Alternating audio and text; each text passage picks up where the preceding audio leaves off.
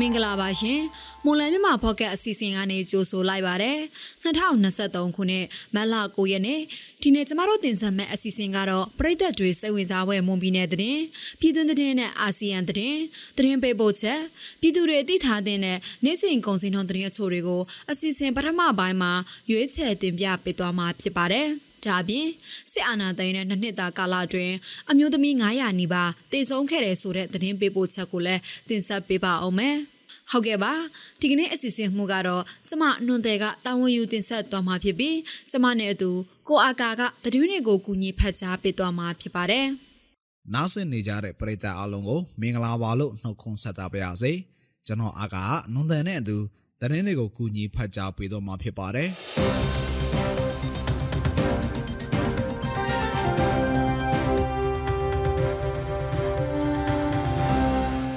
ဦးဆုံးသတင်းတပုတ်အနေနဲ့မွန်ပြည်နယ်တထုံမြို့နယ်ကျုံမင်းကျေးရွာကိုစစ်ကောင်စီတပ်ဖွဲ့ကပြစ်ခတ်လိုက်ကလက်နက်ကြီးကြားရောက်ပောက်ကွဲခဲ့ပြီးခလဲနှစ်ဦးသေဆုံးကလူကြီးနှစ်ဦးပြစ်ထန်ဒဏ်ရာရရှိခဲ့တယ်လို့ဒေသခံတွေစီကနေသိရပါဗျ။ မနေ့မနက်ပိုင်းကကြာပန်းကျေးရွာကနေလက်နက်ကြီးပစ်ခတ်တံတွေကြားရပြီးနောက်ကြာပန်းကျေးရွာအခြေဆိုင်ချင်းလျင်တပ်ရင်ကနေကျေးရွာတဲကိုလက်နက်ကြီးတွေနဲ့ရန်တမ်းပစ်ခတ်ခဲ့ပါတယ်။စစ်ကောင်စီဘက်ကပြစ်ခတ်လိုက်တဲ့လက်နက်ကြီးအချို့ဟာကျုံမင်းကျေးရွာထဲကြားရောက်ပောက်ခွဲခဲ့တာကြောင့်နေအိမ်ချံဝဲအတွင်းရှိနေတဲ့၁၀နှစ်အရွယ်နဲ့၁၂နှစ်အရွယ်ကလေးနှစ်ဦးပွဲဆင်းပြီးတေဆုံးခဲ့ပါတယ်။ဒါအပြင်အသက်50ကျော်အမျိုးသမီးတဦးနဲ့အမျိုးသားတဦးလည်းပြင်းထန်ဒဏ်ရာရရှိခဲ့ပါတယ်။ ဒဏ်ရာရရှိခဲ့တဲ့အမျိုးသမီးနဲ့အမျိုးသားတို့ကိုလွတ်မြောက်နယ်မြေကစေပေခန့်တစ်ခုမှာကုသပေးနေရတယ်လို့သိရပါတယ်။စစ်တပ်အာဏာသိမ်းပြီးနောက်တထုံမြို့နယ်အတွင်းရှိစစ်ကောင်စီအခြေစိုက်တပ်ရင်တို့ကလက်နက်ကြီးနဲ့ရန်တမ်းပစ်ခတ်လို့ထိခိုက်သေးဆုံးခဲ့တဲ့အရက်သား10ဦးကျော်အထိရှိလာပြီလို့ကရင်အမျိုးသားအစည်းအရုံး KNU တပ်မဟာနှစ်ကဆိုထားပါတယ်။နောက်ထပ်သတင်းတစ်ပုဒ်အနေနဲ့အခုနှစ်တက္ကသိုလ်ဝင်စာမေးပွဲမှာမွန်ပြည်နယ်ကအကြောင်းသားအကြောင်းသူ 9900ကျော်ဝင်ရောက်ဖြေဆိုခဲ့တယ်လို့ပြည်내ပညာရေးမှုရောကနေသိရပါတယ်။ပြည်내အတွင်းတက္ကသိုလ်ဝင်စာမေးပွဲဝင်ရောက်ဖြေဆိုဖို့စည်ရင်သွင်းထားသူ6200ကျော်ရှိပေမဲ့9900ကျော်ကပဲလာရောက်ဖြေဆိုခဲ့တာပါပြည်내တစ်ခုလုံးမှာစာစစ်ဌာနပေါင်း23ခုဖွင့်လှစ်ထားတယ်လို့ပြည်내ပညာရေးမှုယုံတာဝန်ရှိသူတို့ကဆိုပါတယ်တက်တော်ဝင်စာမေးပွဲဝင်ရောက်ဖြေဆိုကြတဲ့အကြောင်းသားအကြောင်းသူတွေ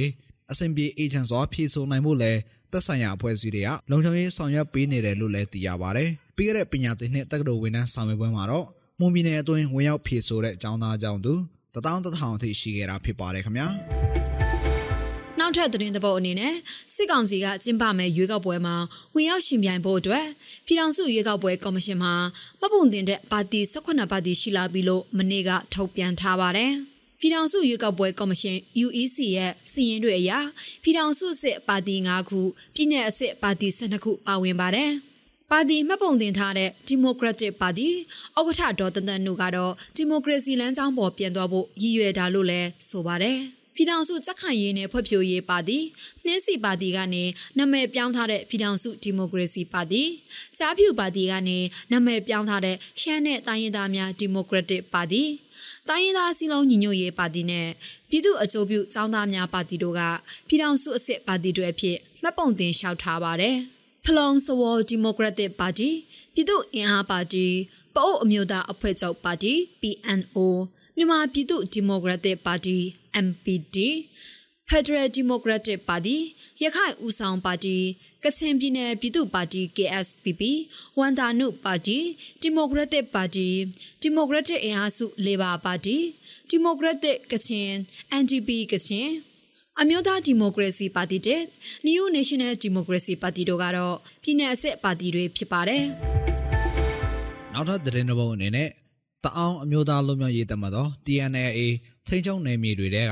စစ်ကောင်စီလက်အောက်ခံဝန်ထမ်းတွေအနေနဲ့ 6လအတွင်း CDM ဝင်ဖို့နဲ့ CDM မဝင်ရင်နေမြေတွေကနေထွက်ခွာဖို့ TNLA ကပထမဆုံးအကြိမ်အဖြစ်တတိပေးထုတ်ပြန်လိုက်ပါတယ်။အခုရက်ပိုင်းအတွင်းထုတ်ပြန်လိုက်တဲ့အဒီထုတ်ပြန်ချက်ဟာလက်ရှိလူမှုကွန်ရက်မှာပြန့်နှံ့နေပြီး TNLA သတင်းနဲ့ပြန်ကြားရေးဌာနတာဝန်ရှိသူကတော့ဒီပြန်ကြားချက်ဟာ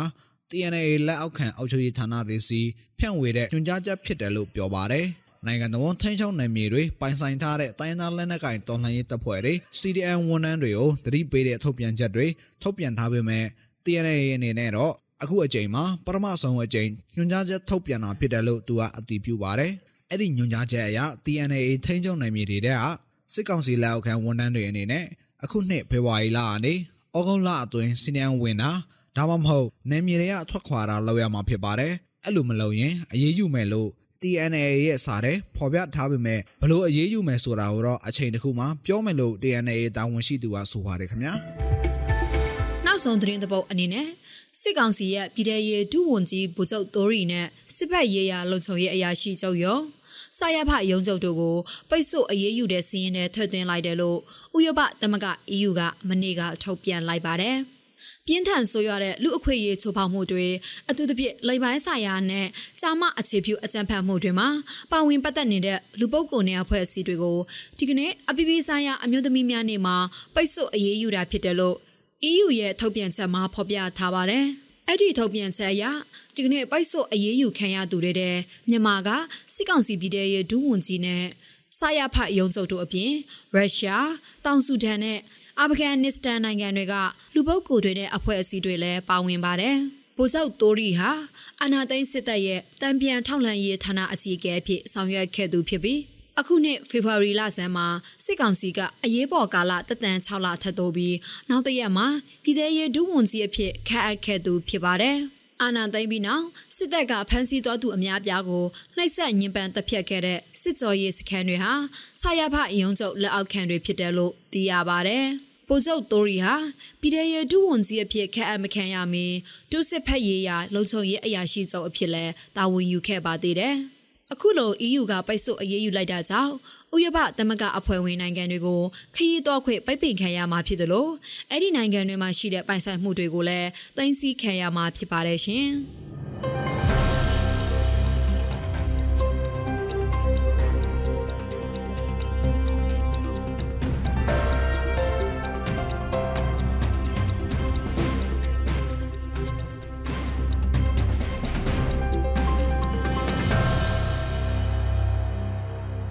ဆက်လက်ပြီးပြည်သူတွေတည်ထန်တဲ့နေ့စဉ်ကုန်စည်နှုန်းသတင်းအချို့တွေကိုမလမြိုင်ကုန်စည်တိုင်းကအချက်အလက်တွေကိုအခြေခံပြီးကျမနွန်တယ်ကတင်ဆက်ပေးပါအောင်မယ်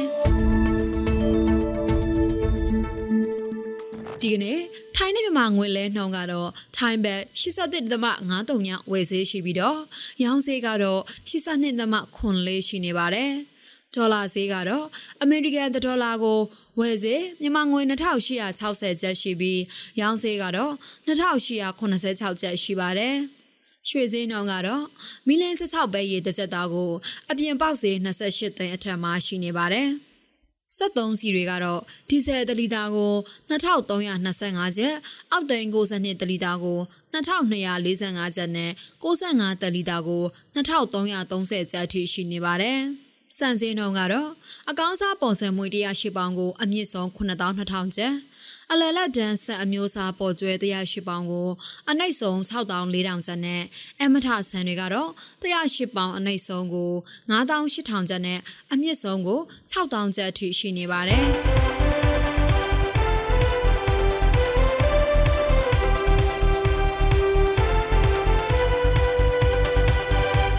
တင်ဆက်ပေးသွားခဲ့တာကမက်လ9ရက်နေ့မှာဖြစ်ပျက်ခဲ့တဲ့မွန်ပြည်နယ်သတင်းပြည်တွင်းသတင်းနဲ့အာဆီယံသတင်းတွေအပြင်တနေ့တာစီစေးငွေစည်းနဲ့ကုန်စည်နှုန်းတွေကိုတင်ဆက်ပေးသွားတာဖြစ်ပါတယ်။ဆက်လက်ပြီးတော့အာနာသိန်းနှစ်နှစ်အတွင်းအမျိုးသမီး900နီးပါးတေဆုံးပြီး3000ကျော်အဖမ်းခံထားရတယ်ဆိုတဲ့သတင်းပေးပို့ချက်ကိုနတ်ဒီကတင်ဆက်ပေးပါအောင်မယ်။စစ်အာဏာသိမ်းခံထားရတဲ့မြန်မာနိုင်ငံမှာတော့နှစ်နှစ်အတွင်း အမျိုးသမီး483ဦးအသက်ခံရပြီး3125ဦးအပန်းခံရတယ်လို့အမျိုးသားညီညွတ်ရေးအစိုးရ NUG ရဲ့အမျိုးသမီးလူငယ်နဲ့ကလေးသူငယ်ဆိုင်ရာဝန်ကြီးဌာနကမနေ့ကထုတ်ပြန်ပါတယ်။အဖမ်းခံထားရတဲ့အမျိုးသမီး3125ဦးမှာဒေတံချခံထားရသူ17ဦးနဲ့ထောင်တသက်ချမှတ်ခံထားရသူ15ဦးပါဝင်တယ်လို့ထုတ်ပြန်ချက်မှာဖော်ပြထားပါတယ်။စစ်ကောင်စီတပ်သားတွေဟာအာဏာသိမ်းနှစ်နှစ်အတွင်းနိုင်ငံတော်ဝန်က အမျိုးသမီး122ဦးကိုလိန်ပိုင်းဆိုင်ရာကျူးလွန်ခဲ့တယ်လို့ဆိုပါတယ်။အခုလိုမျိုးအမျိုးသမီးတွေပေါ်စစ်ကောင်စီရဲ့လိန်ပိုင်းဆိုင်ရာစော်ကားမှုတပ်ပြတ်မှုတွေကိုစနစ်တကျမှတ်တမ်းကောက်ယူပြီးကုလသမဂ္ဂကနေအရေးယူနိုင်ဖို့ဆောင်ရွက်နေတယ်လို့အမျိုးသားညီညွတ်ရေးဆိုရအမျိုးသမီးလူငယ်နဲ့ကလေးတငယ်ဆိုင်ရာဝန်ကြီးနော်ဆူနန်လှလှဆိုးကပြောပါတယ်မျိုးသမီးလူငယ်နဲ့ကလေးသူငယ်ဝင်ကြီးဌာနအနေနဲ့ စစ်ကောင်စီရဲ့လိမ်မိုင်းဆိုင်ရာစော်ကားတပ်ဖြတ်ခံနေရတာဖမ်းဆီးထောင်ချခံနေရတာကိုဒီတနိုင်ငံလုံးမှာရှိတဲ့အမှုတွေပေါ့နော်ကျမတို့အနေနဲ့အာကောက်ယူပြီးတော့မှတ်တမ်းတင်ထားတာရှိပါတယ်ပြီးတော့အချိန်နဲ့တပြေးညီကမ္ဘာကုလသမဂ္ဂသက်ဆိုင်တဲ့အာ double i double m အထူးစုံစမ်းစစ်ဆေးရေးဌာနကိုလည်းကျမတို့ပို့ပေးပါတယ်ဆက်လက်ပြီးတော့နိုင်ငံတကာတရားရေးအဲ တရားရေးအစီအမံများခုံရုံးများနဲ့တရားမျှတမှုရရှိအောင်ဆောင်ရွက်သွားမှာဖြစ်ပါတယ်စစ်ကောင်စီတပ်ဟာအာဏာသိမ်းပြီးနောက်အမျိုးသမီးတွေပေါ်လိန်ပိုင်းဆိုင်ရာကျူးလွန်တာဖမ်းဆီးတပ်ဖြတ်တာတွေကိုစစ်လက်နက်တစ်ဖွဲ့အတုံးချလာတယ်လို့အမျိုးသမီးခွေရေးလှုပ်ရှားသူတွေကပြောပါတယ်။တစ်ဖက်မှာလည်းမလာရှိရနေ့ဟာနိုင်ငံတကာအမျိုးသမီးများနေ့ဖြစ်ပါတယ်။ဒါကြောင့်မနေ့ကကြာရောက်တဲ့နိုင်ငံတကာအမျိုးသမီးများနေ့ကို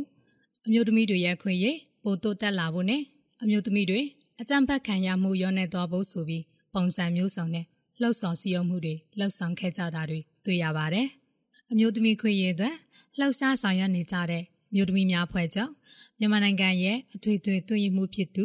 မနမှုမှုပြောတာကတော့ဒီနေ့ကြောက်တဲ့ပြည်ပြည်ဆိုင်ရာမြို့သမီးများနေ့မှာအမျိုးသမီးတွေနဲ့ဒီကလေးတွေ ရဲ့ဒီချင်းချောက်မှုပေါ့နော်သူသဖြင့်ဒီလုံခြုံရေးငင်းချမ်းရေးနဲ့ပတ်သက်တဲ့ချင်းချောက်မှုဒီကလုံဆောင်နေတဲ့သူကအခုအာနာသိန်းခတဲ့စစ်တပ်ဖြစ်နေတယ်ပေါ့နော်ဒီလိုမျိုးအမျိုးသမီးတွေရဲ့အကြမ်းဖက်မျိုးသမီးတွေပေါ်ဒီဆနာပရလိန်ပိုင်းဆိုင်ရာအကြမ်းဖက်တာမတင်းပြုမတင်းကျင်တာဆလတဲ့တော့ဖွဲ့မတင်းကျင်တဲ့ကိစ္စတွေအဆုံးသတ်ဖို့ကအာဒီနိုင်ငံတကာရောအကုန်လုံးကနေမှဒါ ဟိုဆုံးတတ်နိုင်ရေးကိုဝိုင်းဝန်းလှုပ်ဆောင်ဖို့ပေါ့နော်ဆိုတော့ကျူးလွန်နေတဲ့စစ်တပ်ရဲ့တာဝန်ယူမှုတာဝန်ခံမှုကိုတာဝန်ခံမှုကိုကျမတို့အမြန်ဆုံးဖော်ဆောင်နိုင်ဖို့အတွက်အကုန်လုံးကဝိုင်းဝန်းတိုက်တွန်းပေးကြပါလို့အာတောင်းဆိုချင်တယ်ပေါ့နော်စစ်ကောင်စီ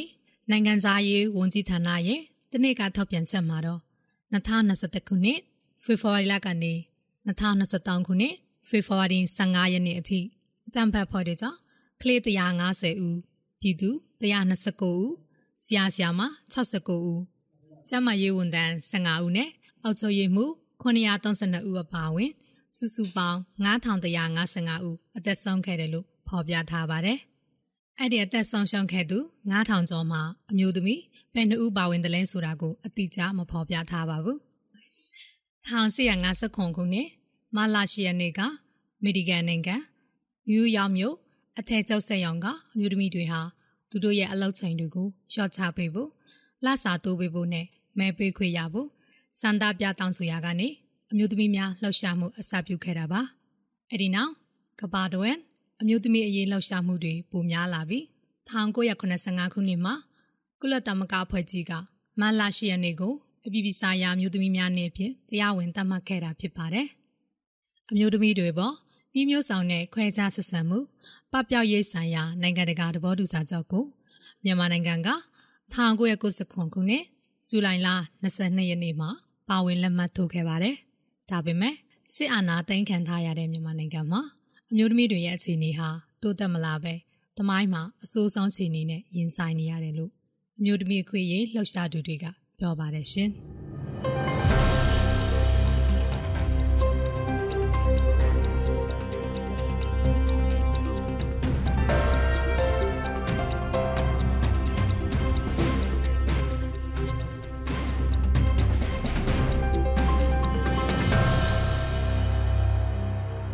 ကျွန်တော်ရဲ့မွန်လန်းမြန်မာပေါ့ကတ်အစီအစဉ်ဒီမှာတင်ပြီးဆုံးပါပြီ။နောက်ဆင်ကြတဲ့ပရိသတ်အားလုံးကိုနောက်နေ့အစီအစဉ်တွေမှာဆက်လက်အားပေးကြပါအောင်လို့ဖိတ်ခေါ်ရင်းအစီအစဉ်ကိုဒီမှာတင်အဆုံးသတ်ပါရစေ။အားလုံးကိုကျေးဇူးတင်ပါတယ်ခင်ဗျာ။